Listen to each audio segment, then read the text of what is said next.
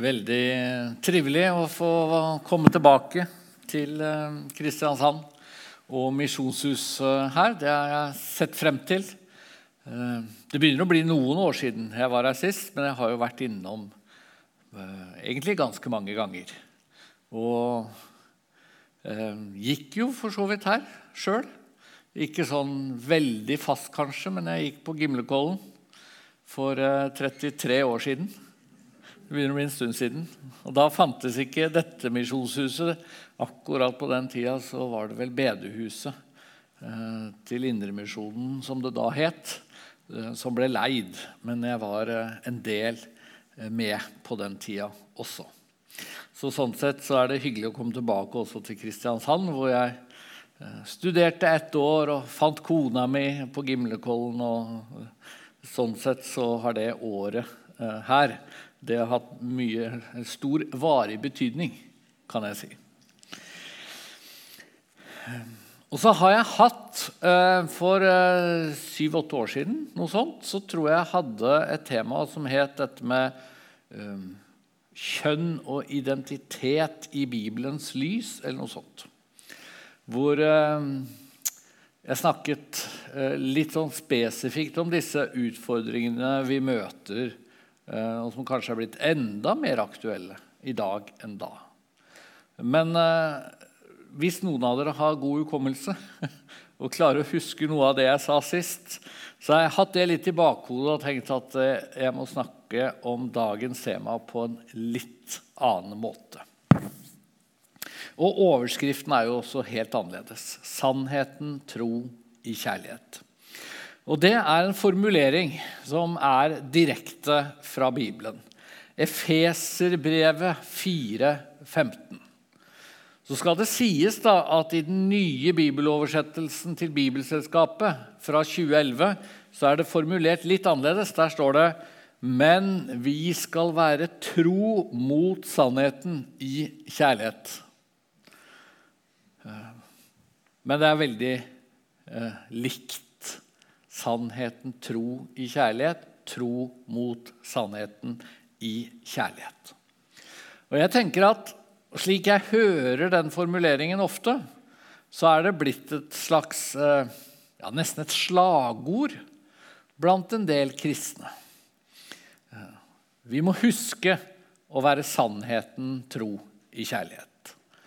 Eh, og mange vil gjerne si at hvis vi bare er opptatt av sannhet, hvis vi bare er opptatt av å være sannheten tro, så vil vi som kristne veldig fort oppfattes som eh, harde, dømmende. Og hvis vi bare er opptatt av kjærlighet, så slutter vi kanskje å være lys og salt. Eh, og jeg tror det er noe veldig sant i den balansen. Men da jeg forberedte meg litt til dette, så fant jeg jo ut at selve uttrykket 'sannheten, tro i kjærlighet' det brukes ikke alltid på denne måten. Eh, det er ganske interessant at da Rose Marie Køhn, biskop på Hamar, for 25 år siden skulle forsvare at Siri Sunde Noen av dere husker dette. Siri Sunde skulle få lov å fortsette som prest i Den norske kirke, selv om hun hadde et, inngått et partnerskap med en kvinne. Og Da skrev biskop Rosemarie Køhn et dokument som het 'Sannheten, tro i kjærlighet'. Og brukte altså dette uttrykket fra Efeserbrevet 4 for å egentlig tenke veldig annerledes enn veldig mange kristne har pleid å gjøre. Det er altså Efeserbrevet 4. Der dukker denne formuleringen opp. Og så har jeg tenkt at siden mange av oss bare liksom kjenner disse fire ordene, og det ofte kommer som et slags slagord, så tenkte jeg nå hadde jeg lyst til å dukke litt ekstra ned i dette kapitlet i disse to bibeltimene i dag. Så hva står i Efeserbrevet 4? På en måte mer enn akkurat disse fire ordene sannheten, tro, i kjærlighet. Hva betyr det for oss å kjempe for sannheten og tro på sannheten og bekjenne sannheten? Og hva betyr det å gjøre det i kjærlighet? Så jeg har finlest Efeserbrevet 4 eh, med det for øye å prøve å finne noen svar på dette. Og så har jeg tenkt å dele det opp slik at nå vil jeg særlig ta fram de versene i Efeserbrevet 4 som snakker om hva sannheten gjør for oss kristne. Eh, og legger vekten der før pausen. Og så legger jeg vekten etter pausen på, på hva det betyr å vise radikal kjærlighet. Så vi starter med å lese fra Efeserbrevet 4. Og nå skal vi lese dette verset også, men da lese det i sin kontekst. Vi leser fra vers 11 til 20 sammen. nå.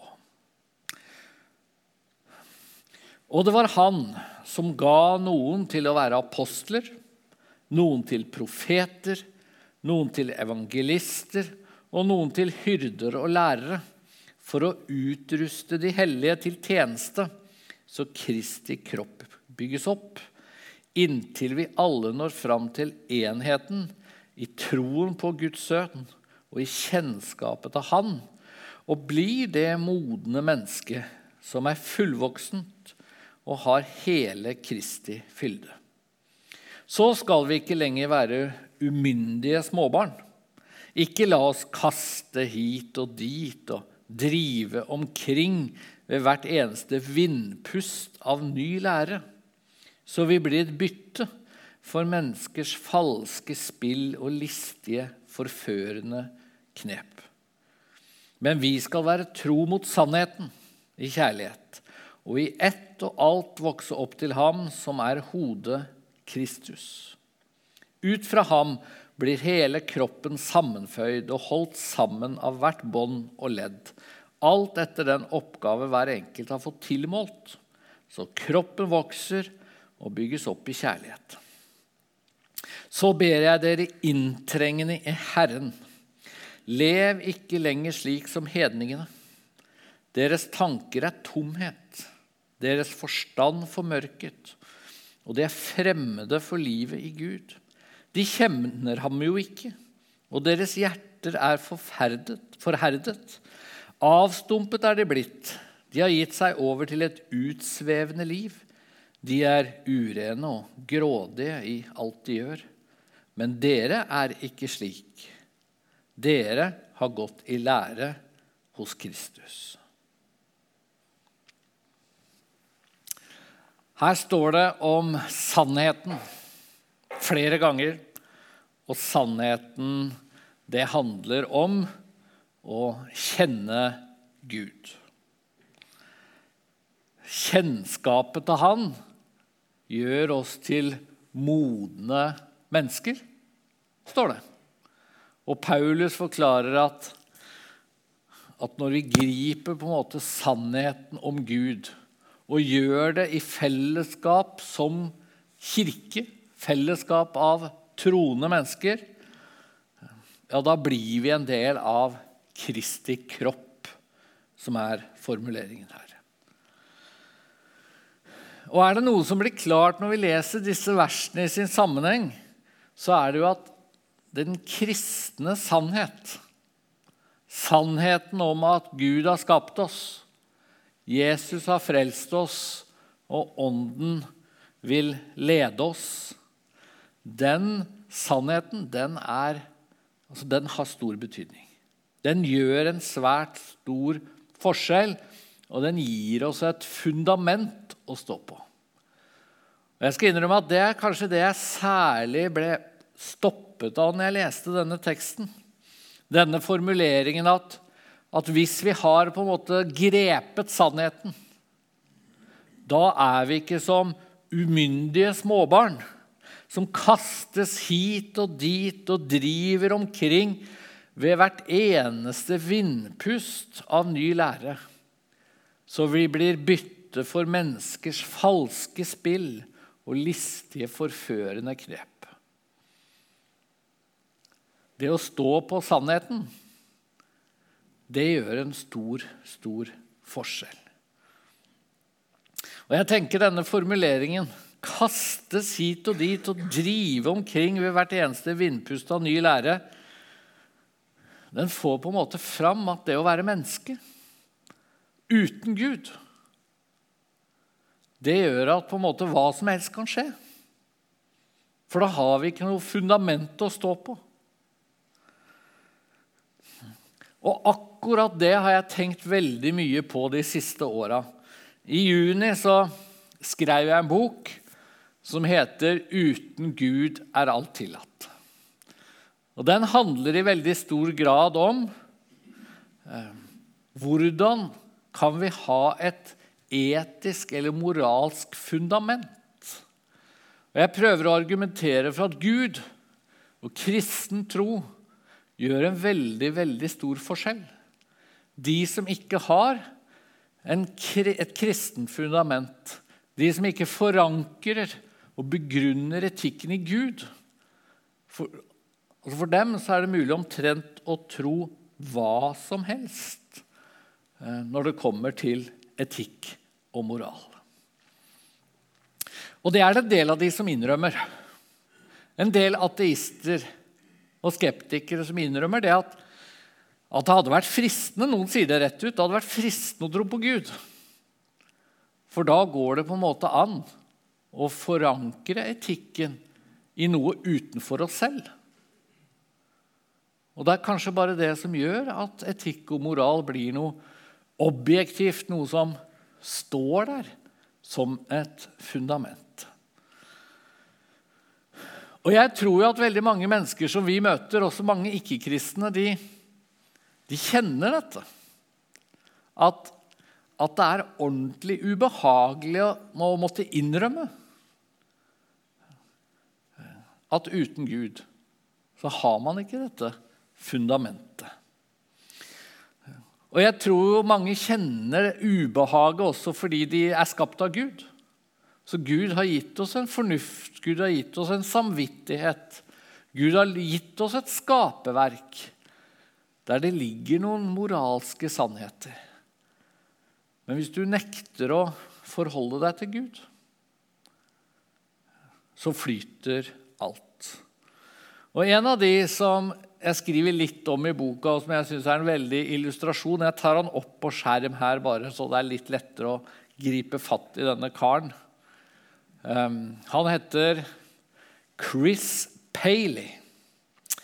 Han er um, evolusjonsbiolog. Uh, og han har altså skrevet en bok som heter 'Beyond Bad'. Og det er litt sånn kjekkas-tittel, føler jeg. Det er litt sånn pubertalt. Um, altså på en måte verre enn bad. Verre enn dårlig eh, i moralsk betydning. Og Det kanskje som er litt vanskelig å se der, men undertittelen i denne boka er 'How Obsolete Morals Are Holding Us Back'. Obsolete det betyr unødvendig, utilstrekkelig moral, altså. Så denne boka har som budskap at egentlig all moral holder mennesket tilbake. Og Det presenterer jo han som et slags sånn frihetsbudskap. Siden Gud ikke fins, så kan det ikke finnes objektiv moral. Det kan ikke finnes noen reell moral som vi mennesker må forholde oss til. Og da kan vi gjøre hva som helst.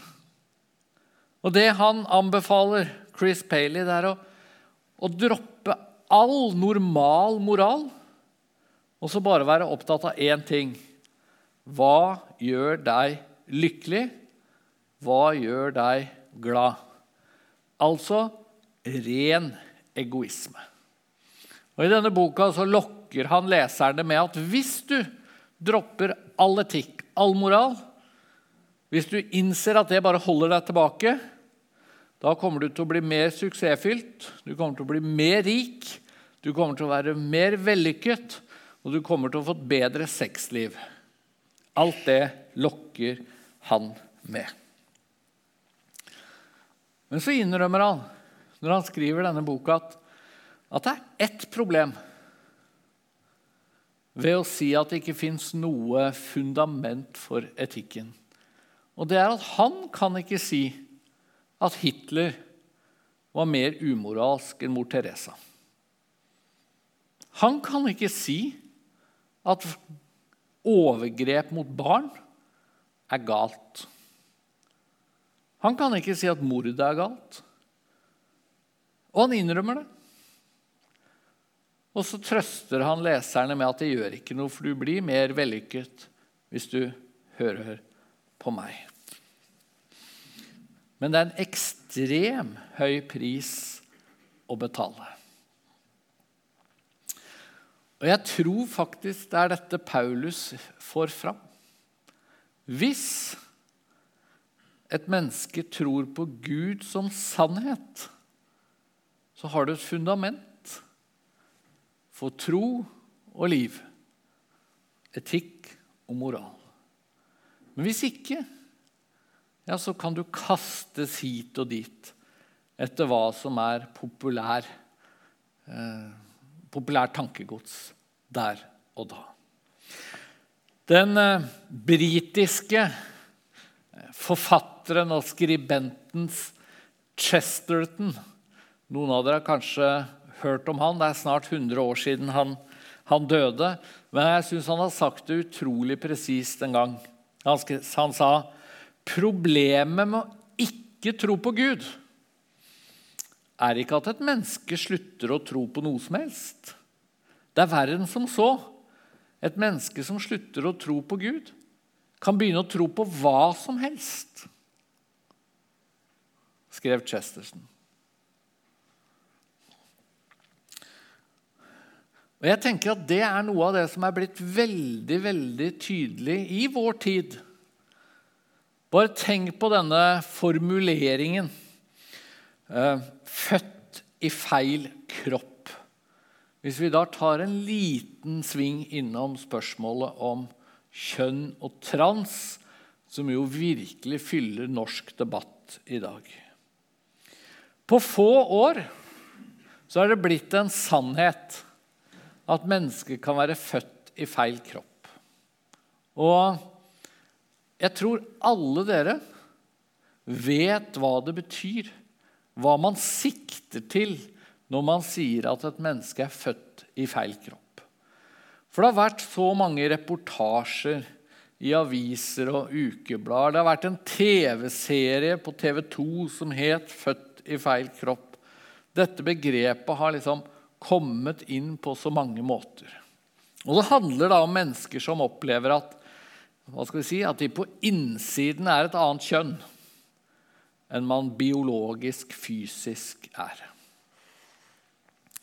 Men gir det mening um, å se for seg at, at man faktisk kan være født i feil kropp? Den krangler litt, denne her. Der. Jeg leste en bok for kort tid siden av denne karen her. som heter, Han heter Carl Truman.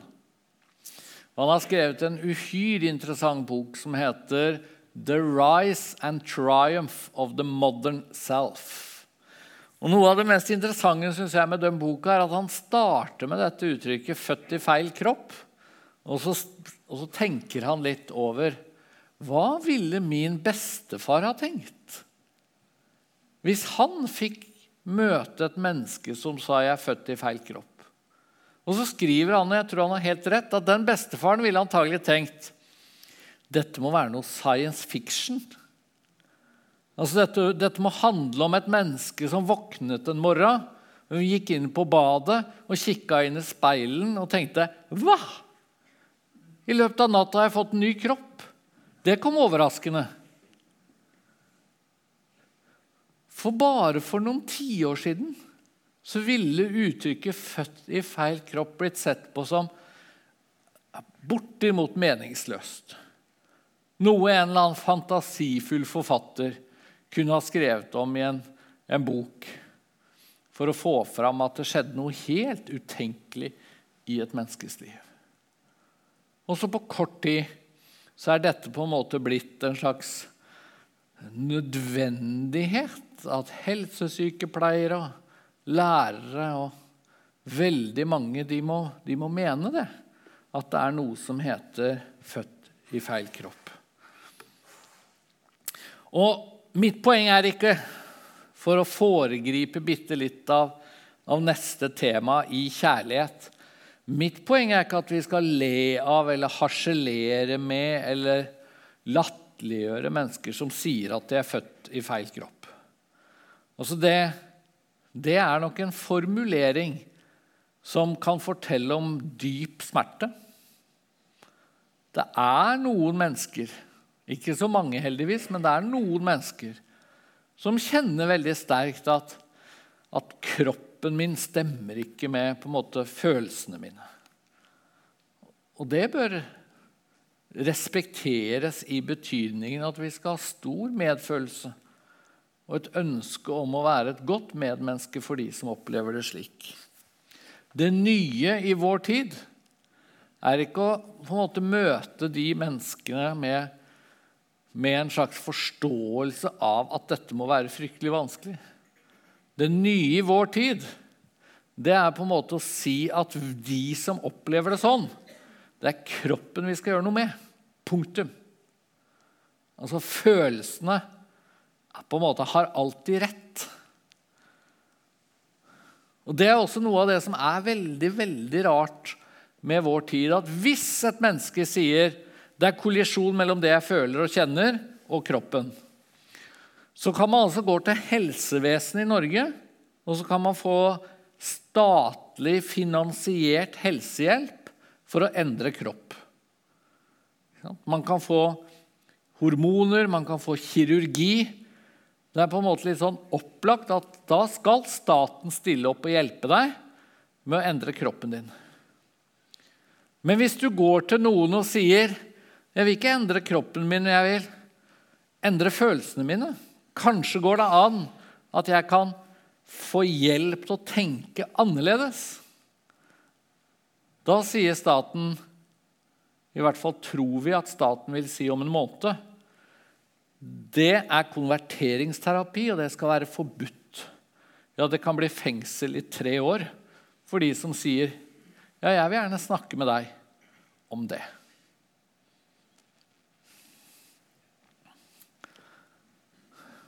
Og For meg så illustrerer egentlig dette at det å tro på sannheten, det å tro på at Gud har skapt oss Gud har skapt oss mennesker med en plan, med en mening, med en hensikt. Det utgjør en enorm forskjell. For det man kaller den nye trans eller kjønn eller seksualitetsforståelsen, det er jo konstruktivisme. Og Det er jo egentlig ikke så veldig vanskelige ord, selv om det høres litt rart ut. Konstruktivisme Vi skjønner at det handler om å konstruere noe.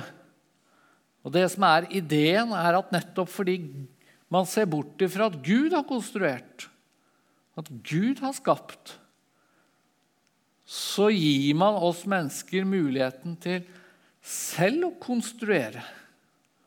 Konstruere seksualiteten vår, konstruere kjønnet vårt. Blir, vi, får, vi, gis på en måte en enorm makt i denne måten å tenke på. Og det presenteres som frihet.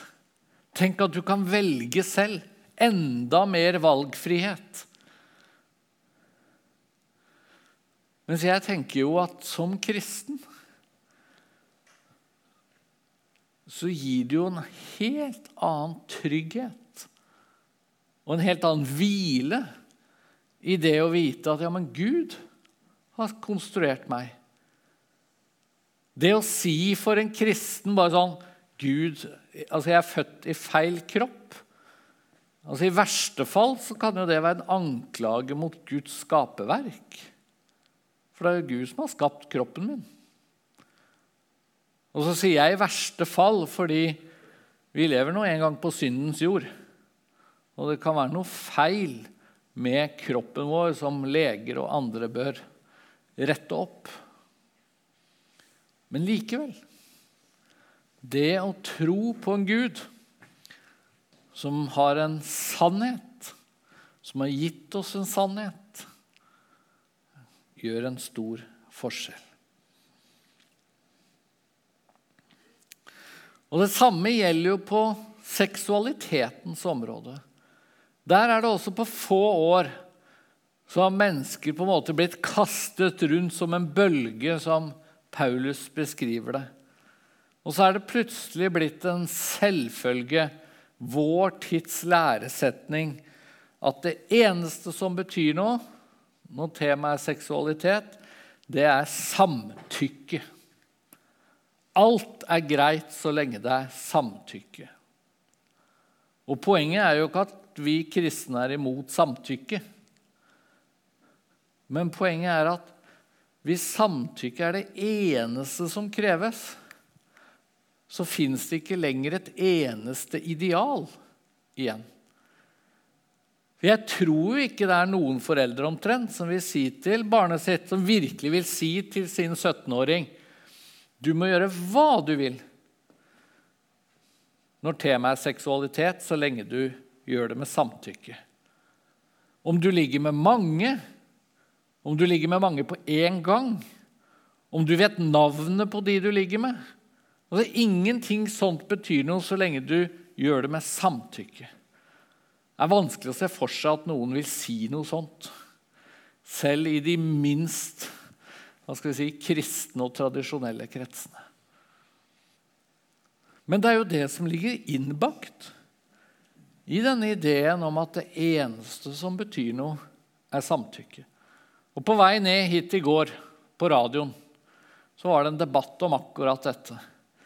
Hvor det var en sexolog på Dagsnytt 18 som sa at om man ligger med mange, eller om man ligger med få, Altså, ingen skal mene at noe er bedre enn noe annet. Fordi det eneste som må gjelde som en moderne trosbekjennelse i Norge i dag, det er samtykke. Og så tror jeg faktisk at av og til kan det være vanskelig for kristne mennesker å, å nesten skjønne hva som foregår. Fordi at det bør være så opplagt for oss at fins Gud, fins sannheten, så er det jo egentlig en selvfølge at Gud som har skapt oss, han har også gitt oss noen grenser, han har gitt oss noen retningslinjer. Han møter oss med noen idealer. Heldigvis møter han oss også med nåde, med tilgivelse, med muligheten for ny start. Men idealene, retningslinjene, de, de er jo ikke truende. De er fra en god Gud. Og Det Carl Truman, som er på skjermen her, viser med denne boka, i tillegg til det jeg nevnte om 'Født i feil kropp' Undertittelen på denne boka er 'Cultural Amnesia Expressive Individualism' and The Road to Sexual Revolution. Litt fremmedord og litt sånn eh, krevende språkbruk, og, og boka er egentlig ganske tung. Men poenget hans er det går et enormt klart skille mellom de menneskene som tenker, fordi de tror på Gud og tror på sannheten, at det fins noen eh, sannheter om hvem vi er. Gud har gitt oss noen grenser. Vi står ikke fritt til å gjøre nøyaktig hva vi vil med livet vårt, fordi Gud har jo skapt oss. Mens det han kaller for expressive individualism, det er denne ideen om at hvert enkelt individ skal ha frihet til å uttrykke hvem man er. Expressive individualism, express, uttrykket. Og det er det det betyr å være menneske. Det er å uttrykke hvem man er. Og f.eks. da kunne si 'Jeg er eh, født i feil kropp', eller 'Jeg har en litt sjelden spesiell seksuell orientering', og derfor er jeg sånn og sånn og sånn. Og det er en selvfølge at siden jeg er sånn og sånn og sånn, så må jeg få lov å leve sånn og sånn og sånn. En helt annen måte eh, å tenke på. Vi går videre i teksten, tilbake til den. Mot slutten av det vi leste, så sier altså Paulus Så ber jeg dere inntrengende i Herren Lev ikke slik, lenger slik som hedningene. Deres tanker er tomhet. Deres forstand Deres forstand formørket, og de er fremmede for livet i Gud. De kjenner ham jo ikke, og deres hjerter er forherdet. Avstumpet er de blitt de har gitt seg over til et utsvevende liv. De er urene og grådige i alt de gjør. Men dere er ikke slik. Dere har gått i lære hos Kristus. Jeg syns denne formuleringen 'men dere er ikke slik', den er tankevekkende. Og, og jeg spør meg selv, og jeg tenker Opplever jeg at fordi at jeg har på en måte sannheten For jeg har møtt sannheten i Jesus Så er jeg veldig annerledes enn hedninger. Fordi, som også Paulus sier, jeg har gått i lære hos Kristus. Å være sannheten tro i kjærlighet. Å være sannheten tro det betyr altså å gå i lære hos Kristus. Bli formet av Jesus. Ha han og hans sinn som vårt forbilde. Eh, Paulus lager en enorm kontrast mellom på en måte hedninger og kristne. Og jeg funderer av og til på er, det, er denne kontrasten Er den sånn? Er den sånn i Norge i dag? Er det en enorm kontrast mellom hvordan du og jeg lever, og hvordan hva skal vi si, moderne norske hedninger lever? Nå går det kanskje an å si at moderne norske hedninger er mer preget av den kristne kulturarven enn det jeg er klar over. Jeg tror faktisk det er sånn. Men likevel tankevekkende. Og så er det jo også sånn at moderne norske hedninger, ja, egentlig alle mennesker Vi gjør jo mye som ser moralsk ut, som fremstår som god moral fordi det lønner seg. Og Det er også noe jeg har tenkt mye på og også skrevet en del om i denne boka, 'Uten Gud er alt tillatt', at, at det er utrolig mye av det vi mennesker gjør, som kan forklares med at vi gjør det fordi det lønner seg. Og Jesus han sier faktisk noe akkurat om det i bergprekenen i Matteus 7.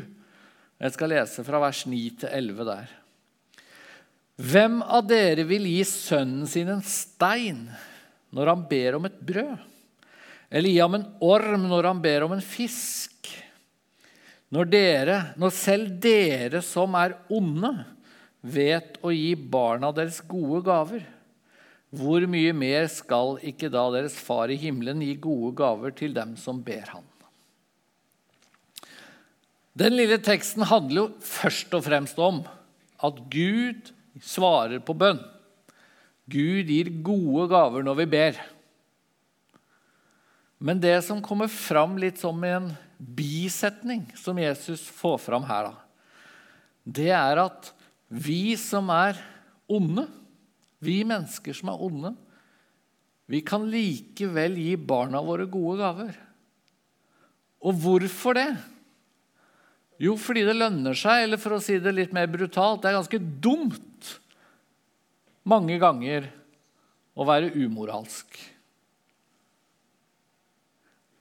Og jeg syns dette bildet Hvem vil gi sin sønn stein hvis sønnen ber om brød? Og Jeg tenker på en fireåring som er sulten, og som ber om brød. Hvis du har ansvaret for den fireåringen, da er du ganske dum hvis du ikke gir fireåringen brød eller noe han har lyst på. For sultne fireåringer de er ganske vriene å ha med å gjøre. De er ganske vanskelige. Og det å gi dem stein hvis de er sultne, det, det er jo egentlig ikke god moral å gi en fireåring brød istedenfor stein. Det er rett og slett bare sunn fornuft.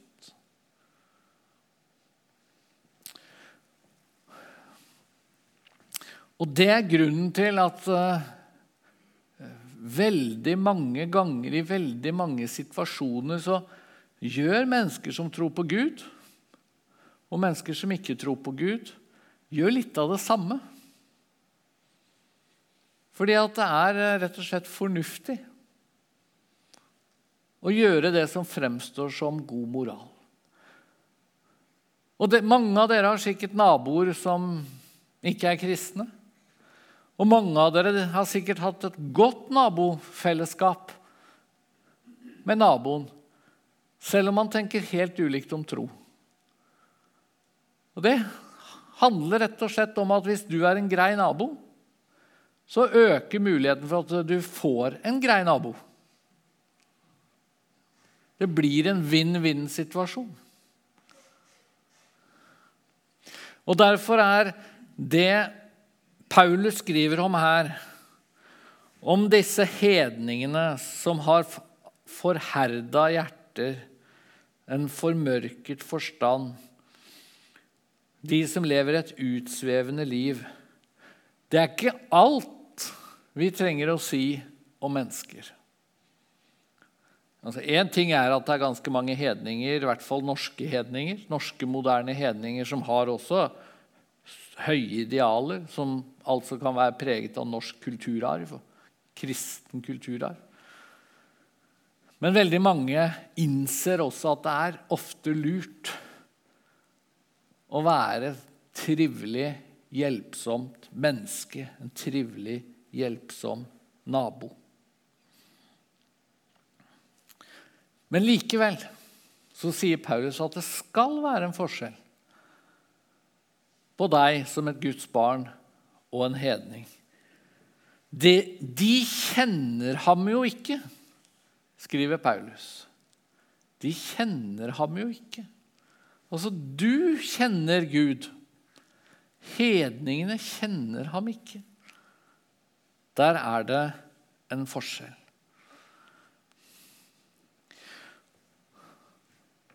Og så vet jeg ikke hva du kjenner når du, merker, når du legger merke til disse ordene om hedningene. De har tomme tanker, formørket forstand, forherdede hjerter. De lever avstumpet og utsvevende liv. Det er litt av en språkbruk. Stemmer den? Tør vi å bruke den om våre medmennesker? Er dette liksom sannheten?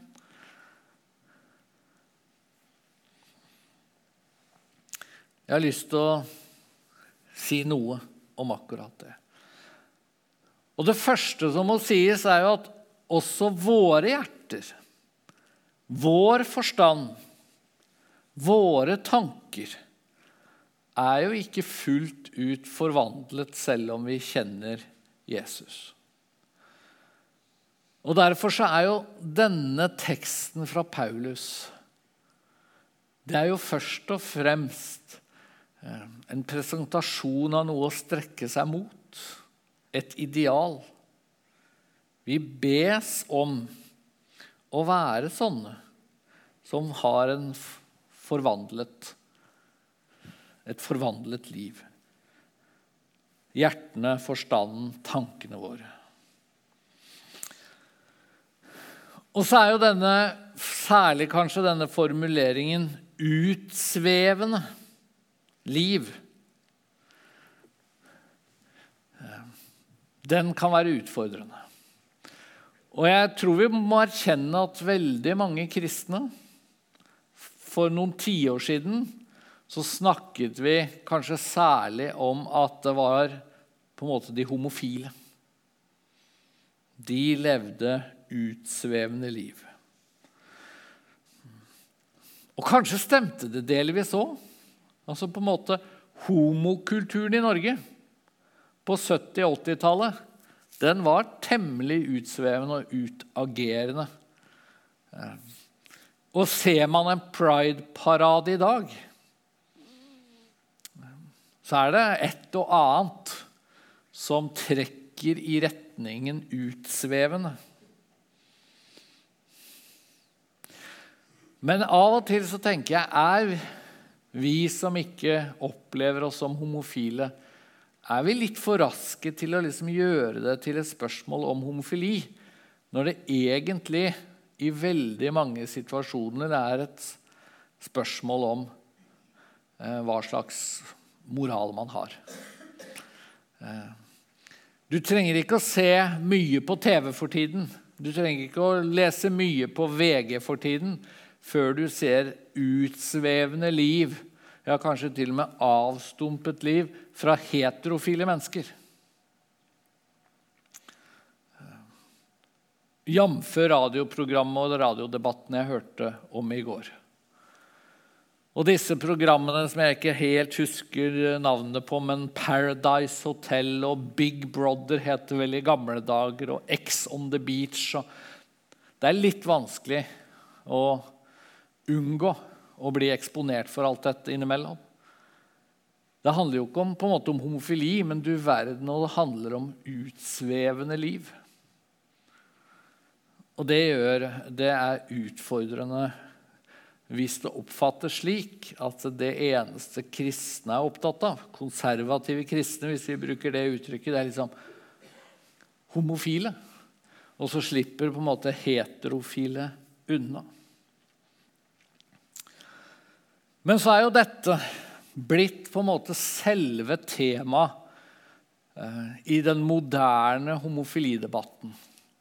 Og jeg tenkte jeg måtte si noen ord om det til slutt. Eh, fordi disse si, nye teologene, Terje Hegertun, pinsevennen, Harald Hegstad, eh, professor på MF som akkurat har snudd i homofilispørsmålet, denne tidligere pastoren fra Mandal, Simon Stisen. De tre, for å nevne noen, har liksom vært veldig tydelige på å si at, at vi tar avstand fra pride-ideologi. Det eneste vi spør om, det er kan ikke konservative kristne akseptere trofaste homofile relasjoner? Vi ber ikke om et ja til et utsvevende liv, som Paulus advarer imot i teksten. Vi bare ber om aksept for trofasthet. Og så kan man da spørre er vi sikre på at Paulus og Bibelen rammes trofaste homofile relasjoner. Det er jo der debatten står i dag. Og Jeg har lyst til å respondere på det ved å si tre ting. Det første All etikk, og det tror jeg er veldig viktig å huske, all etikk kan vurderes både eh, vertikalt og horisontalt. Vertikalt så handler det om forholdet til Gud. Horisontalt handler det om forholdet til mennesker. Og når Simon Stisen f.eks. sier ja, men vil du ikke i det minste innrømme at det er bedre at jeg lever i et trofast relasjon, enn at jeg ligger rundt med alt mulig? Så vil jo jeg si at vertikalt, når det gjelder forholdet til Gud, så har det ikke egentlig en grunnleggende viktig betydning. Da er spørsmålet lever du eller lever du ikke etter Guds vilje. Men horisontalt så kan det gjøre stor forskjell. På samme måte som det er synd mot Gud at jeg mister eh, litt tålmodigheten med barna mine. Men det er verre hvis jeg banker dem opp. Ikke sant? Vertikalt. Synd er synd. Horisontalt så kan vi nok gradbøye synd. Så er det ikke alltid så lett. Men jeg tror det er viktig å skille der. Og sånn sett så har ikke jeg noe problem med å si til homofile medmennesker som lever trofast sammen, at så fint at dere gjør det framfor å leve helt annerledes. Men det betyr ikke at alt er greit i forhold til Gud. Det andre jeg hadde lyst til å si, det er at noe av det nye som har kommet inn i kristen teologi i dag, det er å snakke om at vi må lytte til menneskers erfaringer. Det er liksom blitt et mantra. Og I dette tilfellet så betyr det at vi skal lytte til mennesker, f.eks. homofile som lever i et trofast samliv. Vi skal lytte til dem. Og Hvis de forteller om et godt samliv, og et gode liv, så må vi på en måte bare si at, at da er alt greit.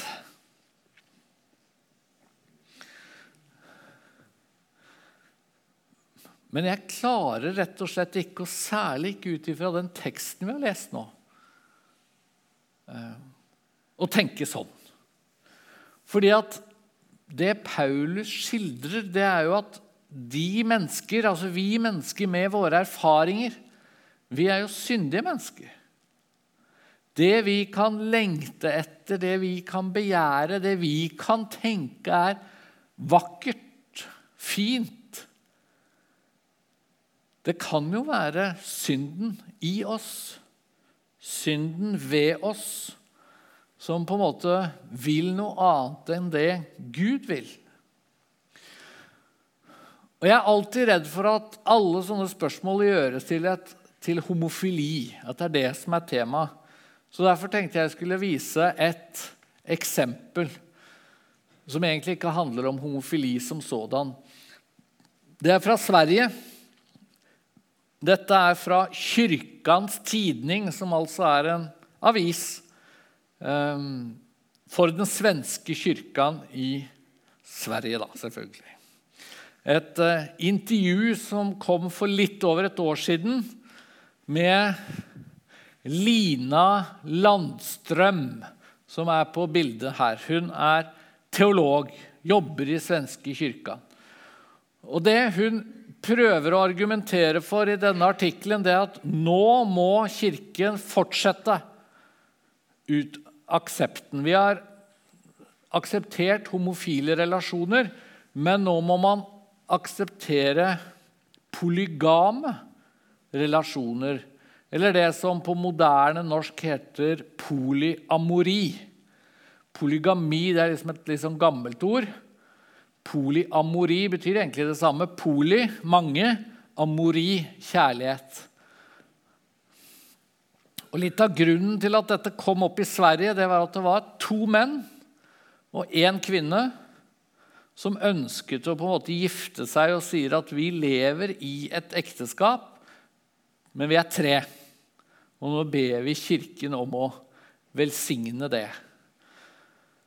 Og da mente denne teologen, Lina, at det burde vi akseptere.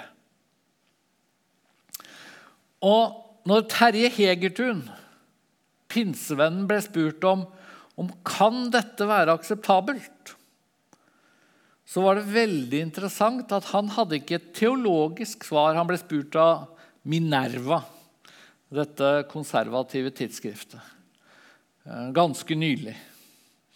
Og Da hadde han ikke teologisk svar på at polygami er galt ut ifra det Jesus sier, eller ut ifra det Paulus sier. eller noe sånt.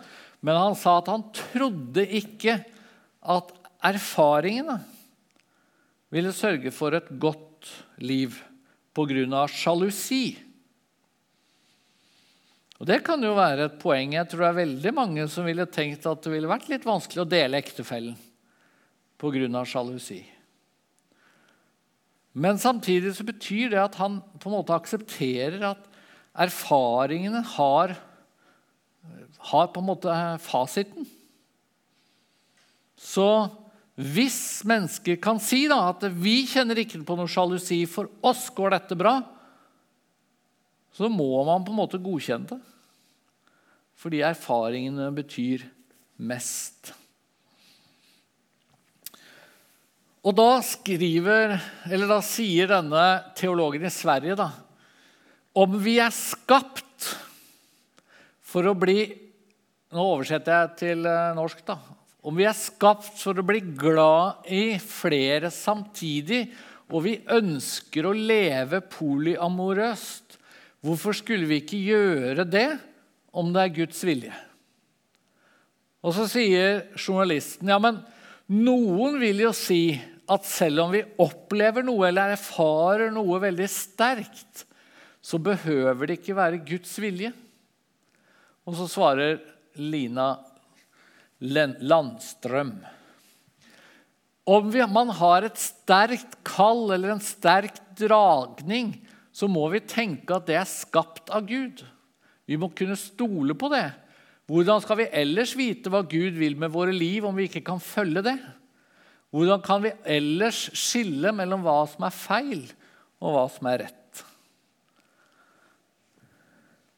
Og etter min mening så Det som står her på skjermen, det er liksom selve skillet, slik jeg ser det, mellom det å tenke kristent og egentlig Nå sier jeg det veldig sterkt, men det får våge seg det å tenke hedensk. For å tenke kristent det betyr å tenke at jeg kan faktisk føle noe feil. Jeg kan kjenne en dragning som er feil, for jeg er et syndig menneske. Det kan, ja, det faktisk er ting ved mine lengsler, ved mitt begjær, ved min fornuft, mine følelser Det er ting som ikke er som Gud ville, vil ha det. Og så er min oppgave å lære av Jesus, som Paulus skriver gå i læretid hos han.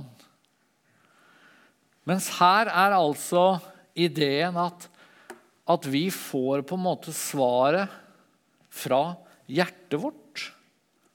Punktum. Og Jeg tror dette egentlig oppsummerer, og det er det aller siste jeg skal si, at sannheten om oss mennesker den er dobbel. Og Jeg tror det er det mest uforståelige for moderne hedninger og moderne mennesker om hvordan det er å være menneske ut ifra Bibelen. Det er både sånn at du er uendelig verdifull fordi du er skapt av Gud og elsket av Han. Det er samtidig sant med at du er en synder fra topp til tå. Og synden kan prege fornuften din, tankene dine, hjertet ditt, følelsene dine. Begge deler er sant. Som Tim Keller, denne amerikanske teologen, har sagt. Jeg syns det er så fint. Evangeliet sier samtidig at du er mer syndig og ufullkommen enn du noen gang har våget å tro, og samtidig mer elsket og akseptert enn du noen gang har våget å håpe. Den dobbeltheten det er på en måte sannheten om oss mennesker. Det er sannheten vi skal være tro imot. Amen. Jeg fikk en oppfordring om å drive med litt løst prat til eh, alle hadde kommet inn. Jeg vet ikke om det er min styrke. Men eh, vi skal eh, fortsette, og jeg skal holde på litt kortere nå.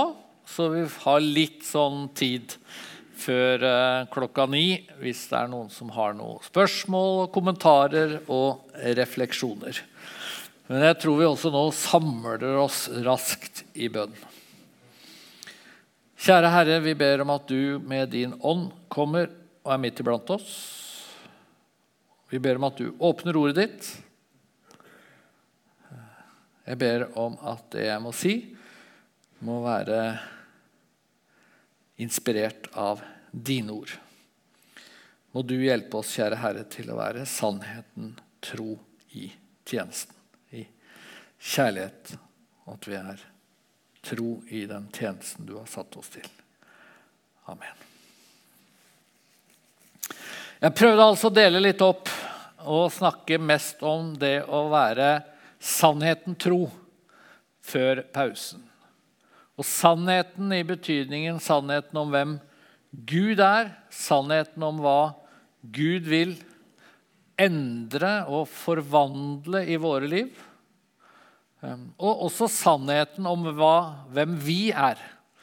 Og jeg tror det er veldig viktig å tenke at noe av det mest sentrale med kristen tro, det er at vi møter sannheten om hvem vi er. For det er når vi ser sannheten om vi er, hvem vi er, at vi også kan gripe um, verdien av og viktigheten av åpenbaringen. At Gud taler til oss i sitt ord gjennom Jesus. Men nå har jeg lyst til å trekke fram noen av de versene i Efeserbrevet 4 som snakker mer sånn konkret om det å være sannheten tro i kjærlighet. Eh, hva betyr det? Jeg skal lese både noen vers aller først i eh, Efeserbrevet 4, de tre første versene, og noen av de versene som kommer til sist. Så jeg begynner med Efeserbrevet 4, vers 1-3. Så formaner jeg dere, jeg som er fange for Herrens skyld, at dere lever et liv som er verdig det kallet dere har fått, i mildhet, ydmykhet og storsinn, så dere bærer over med hverandre i kjærlighet. Sett alt inn på å bevare åndens enhet i den fred som binder sammen. Og her er det ikke mye kamprop fra Paulus. Altså det å stå for sannheten, det å kjempe for sannheten Her handler det om å leve et liv som er verdig kallet vi har fått. Og i mildhet, ydmykhet og storsinn. Ja, så dere bærer over med hverandre i kjærlighet. Og Det er jo da en oppfordring til mennesker i en menighet, i en forsamling. Her er på en måte idealet til hvordan vi kan vandre i kjærlighet i et kristent fellesskap. Sett alt inn på å bevare åndens enhet. Det er ikke småtteri. Sett alt inn på å bevare åndens enhet. Og Sånn sett så skal vi virkelig være forsiktige med å la på en måte kampen for sannheten være så viktig at vi liksom bare mumler forsiktig, men i kjærlighet. da. Altså For så sterke er disse oppfordringene. Det er altså ingen motsetning i Bibelen mellom det å slåss for sannheten og det å være mild og ydmyk. Tvert imot, vi er på en måte kalt til å kombinere det. Og så er det heller ikke sånn, selv om denne teksten eller disse versene her handler om at vi skal i det kristne fellesskapet, i menigheten, være milde og ydmyke, så møter vi også i andre tekster samme oppfordring når det gjelder hvordan vi skal møte mennesker utenfor. La alle mennesker få merke at dere er vennlige, skriver Paulus i Filippebrevet 4. La alle mennesker få merke at dere er vennlige.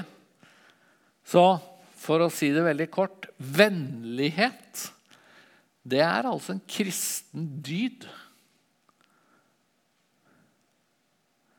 Uansett på en måte hva slags menneske vi møter, så er på en måte oppfordringene vi møter La alle få merke at dere er vennlige. Og så har du 2. Timoteus 2, hvor altså Paulus skriver til den unge Timoteus, menighetslederen. Og han skriver en Herrens tjener må ikke ligge i strid men være vennlig mot alle, dyktig til å undervise, villig til å tåle ondt, så han ydmyk viser til rette dem som sier imot. For kanskje vil Gud en gang gi dem å vende om, så de lærer sannheten å kjenne. Igjen er på en måte idealet ikke ligge i strid. Vær vennlig mot alle. Og så betyr jo ikke det at all uenighet blir borte. så Derfor skriver jo Paulus også at man skal ydmykt vise til rette de som sier imot. Men uh, dette uttrykket vi bruker av og til på engelsk 'pick your fights' Altså Ikke gå inn i enhver kamp, ikke gå inn i enhver strid. Liksom tenk nøye over hva er viktig nok. Det møter vi i Bibelen. Det er et bibelsk ideal. Pick your fights. Et annet sted skriver jo Paulus akkurat det. Ikke ligge unødig strid. Det er mange uenigheter, det er masse diskusjon som ikke er nødvendig. Men noen ganger, hvis du må tale mennesker til rette, sier Paulus, så gjør det i ydmykhet og så ligger det kanskje i det som står her, at, at da er det større sannsynlighet også for at mennesker vender om. Hvis de blir møtt av vennlighet, hvis de blir møtt av ydmykhet Kanskje vil Gud en gang gi dem å vende om. En av de, jeg, en av de historiene om kristen vennlighet som virkelig har liksom eh, betydd noe for meg i den seinere tid, den har jeg fått, eh, møtt på i, gjennom ei kristen dame som heter Rosaria Butterfield. Og hvis jeg nå Nå blar du, ikke sant? Det er rett og slett fordi jeg står og trykker og trykker, og trykker, og det skjer ikke noe. Så bla et par ganger til. Eller det holder. Bra. Dette er Rosaria Butterfield og ei bok hun har skrevet som jeg snart skal si noe om. Men hun har en fantastisk interessant livshistorie. For 25 år siden, sånn omtrent, så var Rosaria Butterfield en professor på et universitet i USA i britisk eller engelsk litteratur. Hun hadde en doktorgrad i litteratur. Hun eh, var i slutten av 30-åra, hadde fått fast stilling på dette universitetet. Og hun ble regna som en feministisk aktivist.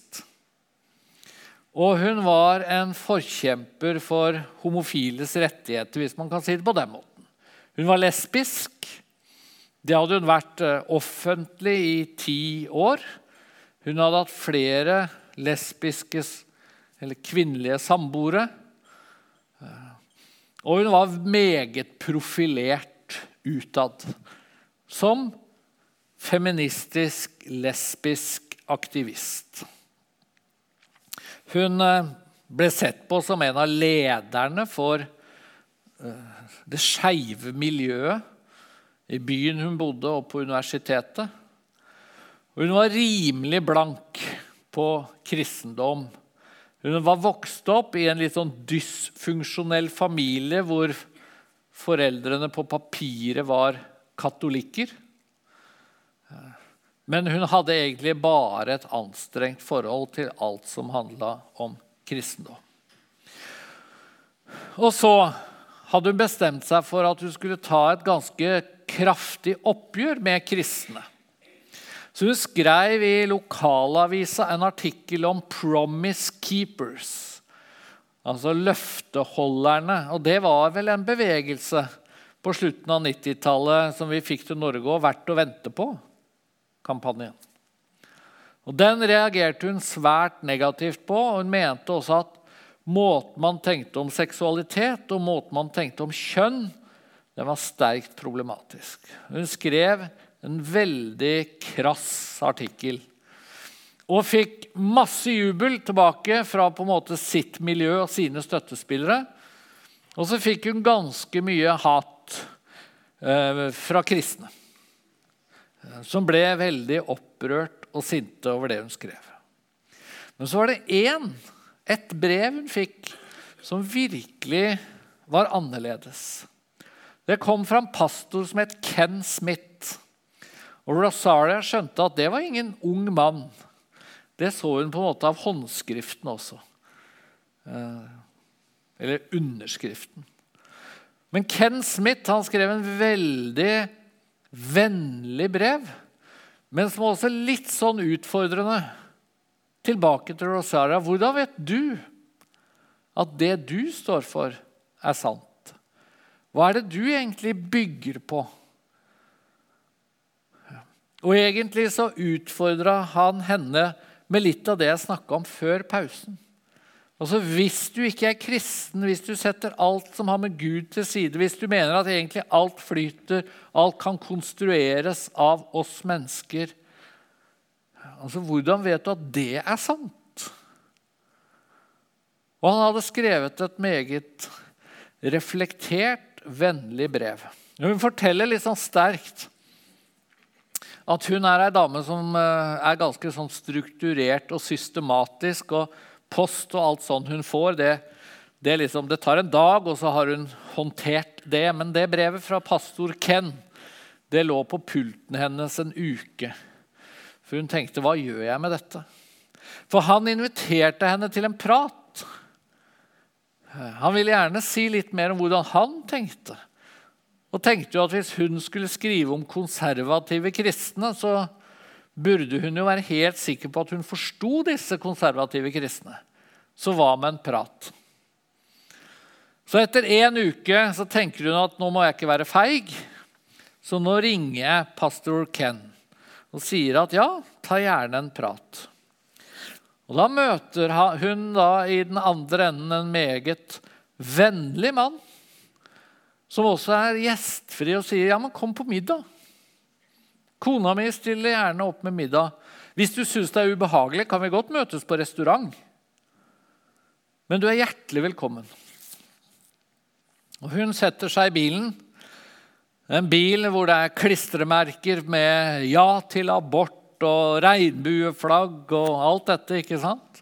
Kjører bare noen kilometer, for det viser seg at Ken og kona Floy de bor rett i nærheten. Parkerer og går inn. Og så forteller hun også veldig interessant at når hun kommer dit, så har da kona tenkt at nå får vi en ung, liksom venstrevridd, eh, ateistisk dame på besøk.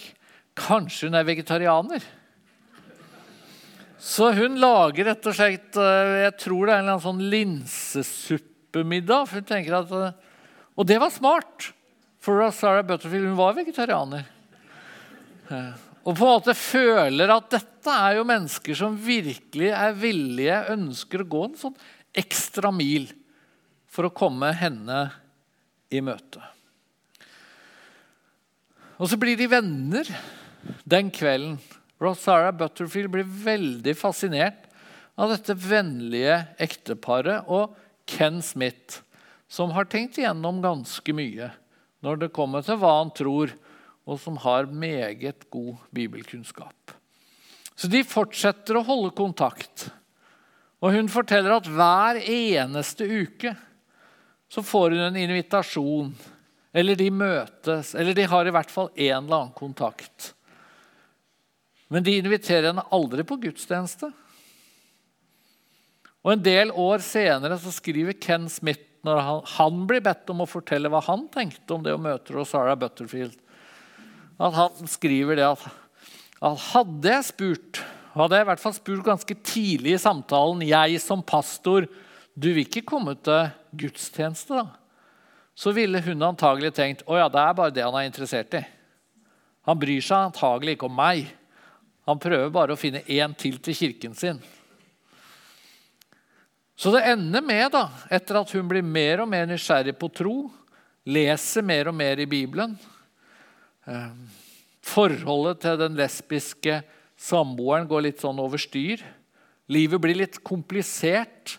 Og de hun får trøst fra og støtte fra, det er Ken og Floy og noen av deres venner. Så En dag så setter hun seg i bilen og drar på gudstjeneste. Bare søkte opp på Google hvor denne gudstjenesten er. Og dette ekteparet blir meget forundra over at, at, der kommer denne dama som er kjent fra avisa som en sterk, sterk kritiker av konservativ kristendom. Hun kom på gudstjeneste og setter seg.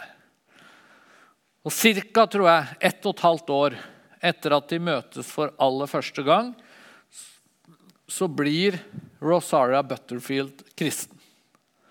Blir en del av den menigheten. Og det er en presbyteriansk, temmelig konservativ menighet, og ikke minst kulturelt. Akkurat i den menigheten eller det kirkesamfunnet, ganske lite, så har de som prinsipp at de aldri lager eh, hva skal vi si, menneskeskapte sanger eller salmer. Så alt de synger i gudstjenesten, det er fra Salmenes bok a cappella. Det høres jo litt sært ut. Det er ganske langt unna på en måte sånn hipp, moderne menighet med lovsang og blinkende lys og den slags. Og så mener ikke jeg, da, i motsetning til Rosara Butterfield, at det er sånn man må gjøre det. sånn man skal gjøre det. For hun går inn i denne menigheten med hud og hår. Hun holder en tale på universitetet rett etter at hun er blitt en kristen, ved en semesteråpning, og forteller om hvor mye livet er blitt forandra. Og alle hennes tidligere støttespillere, alle hennes tidligere venner, rister på hodet og tenker du er en forræder. Du var jo lederen for oss. Og så er du blitt konservativ kristne. Hva har skjedd? Så hun slutter etter hvert som professor, går på en bibelskole, blir kjent der med en mann som er pastor. De gifter seg. Så hun har jo også en historie om at, at denne si, lesbiske identiteten hennes ikke nødvendigvis stakk så dypt at det var en umulig tanke når Jesus kom inn i livet hennes, eh, å finne en mann. Men det som viser seg å være umulig, det er at, å få barn. Hun er nesten 40 år, og, og det går ikke lenger. Og Da velger hun likevel og mannen å adoptere barn. Så de har adoptert fire eller fem barn i litt forskjellige aldre. De har helt bevisst valgt å adoptere barn i litt forskjellig hudfarge. Eh, og hun er da blitt pastorkone. Eh, hjemmeværende, driver med homeschooling, som man driver med i USA. Det høres jo litt sært ut. Eh, og så er hun først og fremst opptatt av, og det er det denne boka handler om, først og fremst opptatt av gjestfrihet. Dette er en bok som heter 'The Gospel Comes With A House Key'. I USA er det blitt kjempe, et fenomen. Den boka jeg tror den har solgt i tusenvis på tusenvis av eksemplarer. Og det skjønner jeg godt, fordi det er en veldig sterk bok om hvordan kan konservative kristne være vennlige og vise gjestfrihet i et samfunn, i en tid hvor det er masse motstand, masse skepsis. Og tittelen 'The Gospel Comes With a House Key', altså evangeliet, kommer med en husnøkkel. Altså Budskapet, det hun ønsker å si litt sånn radikalt, det er det at skal du gi evangeliet til et menneske, så må du gi dem husnøkkelen din også. Du må rett og slett være villig til å på en måte ta en sjanse på å invitere dem inn i huset. Ja, kanskje en så stor sjanse at du inviterer noen hjemløse, noen eh, ei nyskilt dame, noen i krise. Kanskje du skal til og med invitere dem til å ligge på sofaen din eller på gjesterommet noen dager. Gi dem husnøkkelen din. Fordi da kan du få gitt dem evangeliet. Skal du gi mennesker evangeliet i vår tid, sier Rosara Butterfield, så må du invitere mennesker ordentlig inn i livet ditt. For de vil normalt tro at hvis du har disse og disse og disse meningene, f.eks. om LHBTQI eller hva det nå heter, ja, da er du et fordømmende menneske. Da har du ikke noe vennlighet og kjærlighet å by på. Det vil mange tenke. Og så sier Sarah Butterfield at det som da er løsningen, det er å invitere mennesker inn i livet ditt, så de kan se, oppleve, at du vil jo gi dem evangeliet. Du vil gi dem det beste du har. Og Det var akkurat det hun selv da fikk oppleve for 25 år siden i møte med ekteparet Ken og Floy. Og Noe av det som jeg syns er aller mest fascinerende med, med hennes bok og hennes tankegang, det er det at hun tilhører en svært konservativ menighet. At en kvinne kan være pastor, er bortimot utenkelig. Det er ingen fleksibilitet i spørsmålet om hva man skal tenke om homofili eller samboerskap. alle disse spørsmålene. Men hun har likevel huset fullt av ikke-kristne naboer nesten hver dag. Fordi hun tenker at det å gi evangeliet til naboene mine, til mennesker jeg møter, det kan jeg gjøre uten å fire på prinsippene, hva menigheten skal stå for. Det skal det ikke være noen tvil om. Men i stua mi slipper jeg inn hvem som helst. Og Et sted i denne boka så skriver hun, og jeg syns det er veldig sånn presist oppsummert Hun skriver det er en grunnleggende forskjell mellom det å dele evangeliet med et fortapt menneske og det å pålegge et menneske som er uomvendt, en spesifikk moralsk standard. Og Det hun også sier veldig sånn sterkt, det er at Floy og Ken, som hun ble venner med, som hun ble kjent med, som hun hadde en nær relasjon med, de spurte aldri om hun hadde en samboer. De spurte aldri om hun var lesbisk. De overlot helt til henne å snakke om sånt. De ville bare dele evangeliet, vise godhet. Og så tenkte de, og det tror jeg hun tenker, og jeg mener det er en veldig god måte å tenke på Det er først etter at du får et møte med Jesus, at på en måte det nye livet kan begynne. Det er, det er først da det nye livet gir mening. Og Dette syns jeg er et veldig spennende tema. fordi Kanskje fordi vi vi lever på en måte i en etterkristen kultur, så, så er det litt lett å tenke at, at, vi vil på en måte tilbake til en, si, et mer kristent lovverk. Vi vil liksom kjempe på den politiske arenaen for kristen etikk. Jeg har drevet litt med det selv. Men det er en utrolig forskjell. Kjemper jeg for kristnes frihet til å stå for det vi står for, å leve som vi vil? Eller prøver jeg å liksom pålegge ikke-kristne mennesker en kristen livsstil? Det er veldig stor forskjell.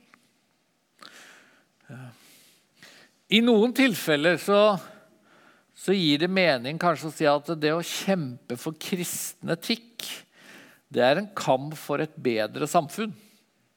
Jeg tror jo det. Men samtidig kristen etikk henger på en måte sammen med det å kjenne Gud. Vi kan ikke forvente at mennesker som ikke kjenner Gud, skal på en måte tenke kristent. om rett og galt, sånn fra A til Å. Og det minner denne fortellingen oss om. Og så kan vi lese videre, og da går vi til de siste versene i Efeserbrevet 4. Bruker noen få minutter på de til slutt. Og det er fortsettelsen av det vi leste i stad om at, at vi er opplært av Kristus. Dere har hørt ham og fått opplæring i ham ut fra den sannhet som er i Jesus. Lev da ikke som før, men legg av det gamle mennesket, som blir ødelagt av de forførende lystne. Bli nye i sjel og sinn Kle dere i det nye mennesket, som er skapt i Guds bilde, til et liv i sann rettferd og hellighet. Legg derfor av løgn og snakk sant til hverandre, for vi er hverandres lemmer. Blir dere sinte, så synd ikke, og la ikke solen gå ned over deres vrede. Her skriver Paulus på en måte veldig sånn konkret om hvordan skal et kristent menneske leve? Det nye livet. Og Jeg har lyst til å bare ta fram tre ting. Det første det er at det er viktig tror jeg, å tenke at de formaningene vi leste nå, de er alvorlig ment. Gud vil virkelig at vi skal leve nye liv, at vi skal legge av det gamle og ikle oss det nye mennesket. Og Av og til lurer jeg på om om er vi litt for raske i bedehusland til å si ja, ja, men vi er jo alle syndere? Slik at vi egentlig tar litt sånn knekken på at det er alvorlig ment. Altså Det Paulus mener, ikke, mener er jo ikke at vi kan, bli, kan bli perfekte. Og det Paulus mener, er i hvert fall ikke at vi skal gjøre sånn og sånn for å bli frelst. Men når vi er frelst, når vi er vaska rene, så kalles vi til et nytt liv. Til å ikle oss det nye mennesket. Og det handler ikke om å ta seg sammen. Men det handler om å slippe Gud til. Søke hans forvandling. Det andre jeg hadde bare lyst til å si sånn veldig kort, eh, det er jo at det er altså forskjell på å bli sint og å synde. Det er litt interessant. Bli sint, men synd ikke, sier Paulus. Og Av og til lurer jeg på om det er et lite sånn ekko av Jesus. Vi, vi ser jo at Jesus kunne bli på en måte opprørt i Bibelen. Han synda ikke.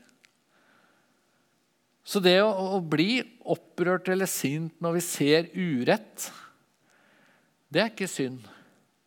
Men veien til å være uvennlig, miste besinnelsen eh, Det at det blir synd, den kan være kort. Men det er en forskjell. Og så det siste. Um, å være et kristent menneske er å være et nytt menneske som tenker Som ikke lever som før, men som, og som altså kjenner på disse forførende lystene. Men vi skal bli nye i sjel og sinn. Og hva betyr det? Hva betyr det å på en måte leve et nytt og annerledes liv? Jeg hadde lyst til å gi dere um, som en avslutning et, et utrolig tankevekkende sitat fra denne mannen. Da må du trykke litt, da, siden det går som når jeg gjør det. Uh, vi tar et uh, bilde til, så får vi opp uh, mannen som jeg skulle si noe om. Greg Johnson. Eh, han har skrevet en ufattelig interessant bok som heter 'Still Time to Care'. Og Greg Johnson han er pastor. Han er homofil, eh, og han lever som singel.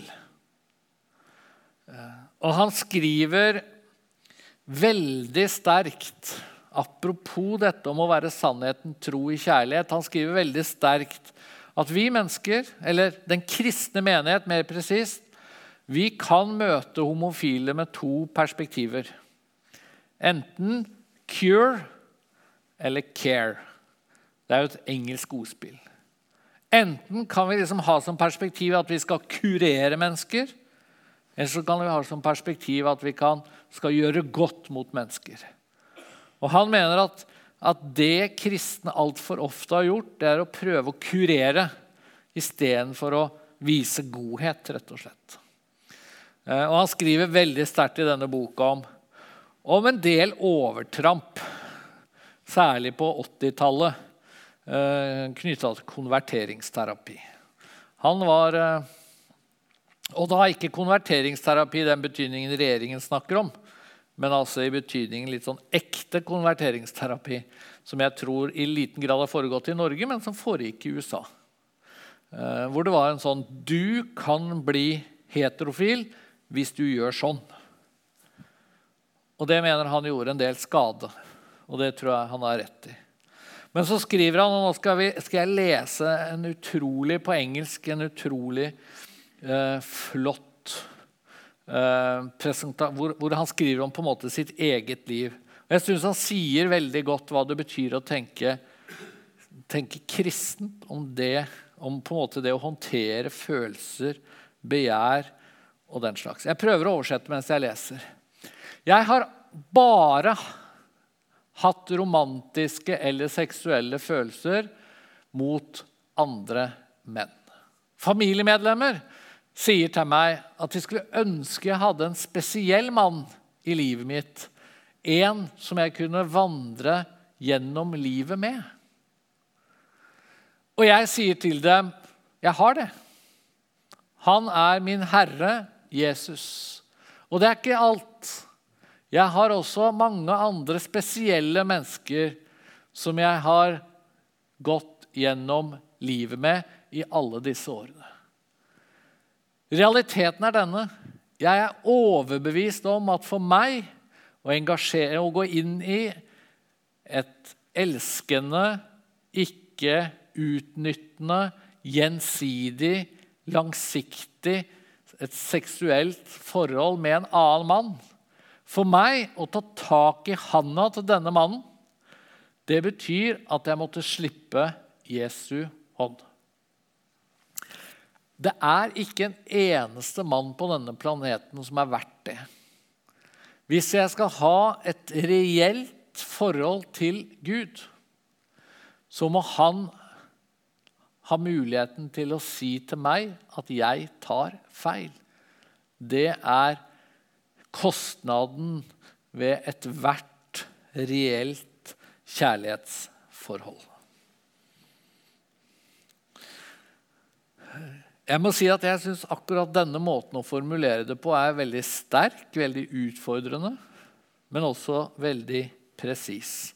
Han er også overbevist om at hvis han skal gå gjennom livet og holde Jesus i hånda, for å bruke det bildet, bildet på å være en Jesu disippel, ja, da kan han ikke holde tak i en annen manns hånd samtidig. Han må velge mellom dette. Og så sier han det er ingen mann på denne planeten som er verdt noe sånt. Og Det er kanskje den utfordringen vi alle møtes av, og som på en måte ligger gjennom eh, Efeserbrevet og Bibelen i sin helhet at det å få et nytt liv gjennom Jesus, det er mer verdt enn alt. Menneskelig kjærlighet, en seksuell relasjon Alt dette som er fint og flott og bra. Altså Det er ingenting mot det å Være Guds barn. Være på vei mot et evig liv. Være frelst, tilgitt. Det er på et helt, helt annet nivå. Og det vet jo vi, tror jeg, som er med i Misjonssambandet, å sende misjonærer langt ut i verden, også en del steder i verden hvor det er forfølgelse av kristne. Da tenker vi, vi vet i hvert fall med hodet, at, at selv om mennesker får et verre liv av å ta imot Jesus, så er det verdt det. For Jesus han gir et evig liv og evig glede. Men så tror jeg vi av og til kan glemme det på en måte i Norge, i homofilispørsmål eller alle disse andre spørsmålene, at, at selvfølgelig er det verdt det. Hvis Jesus er den han sier han er. Amen.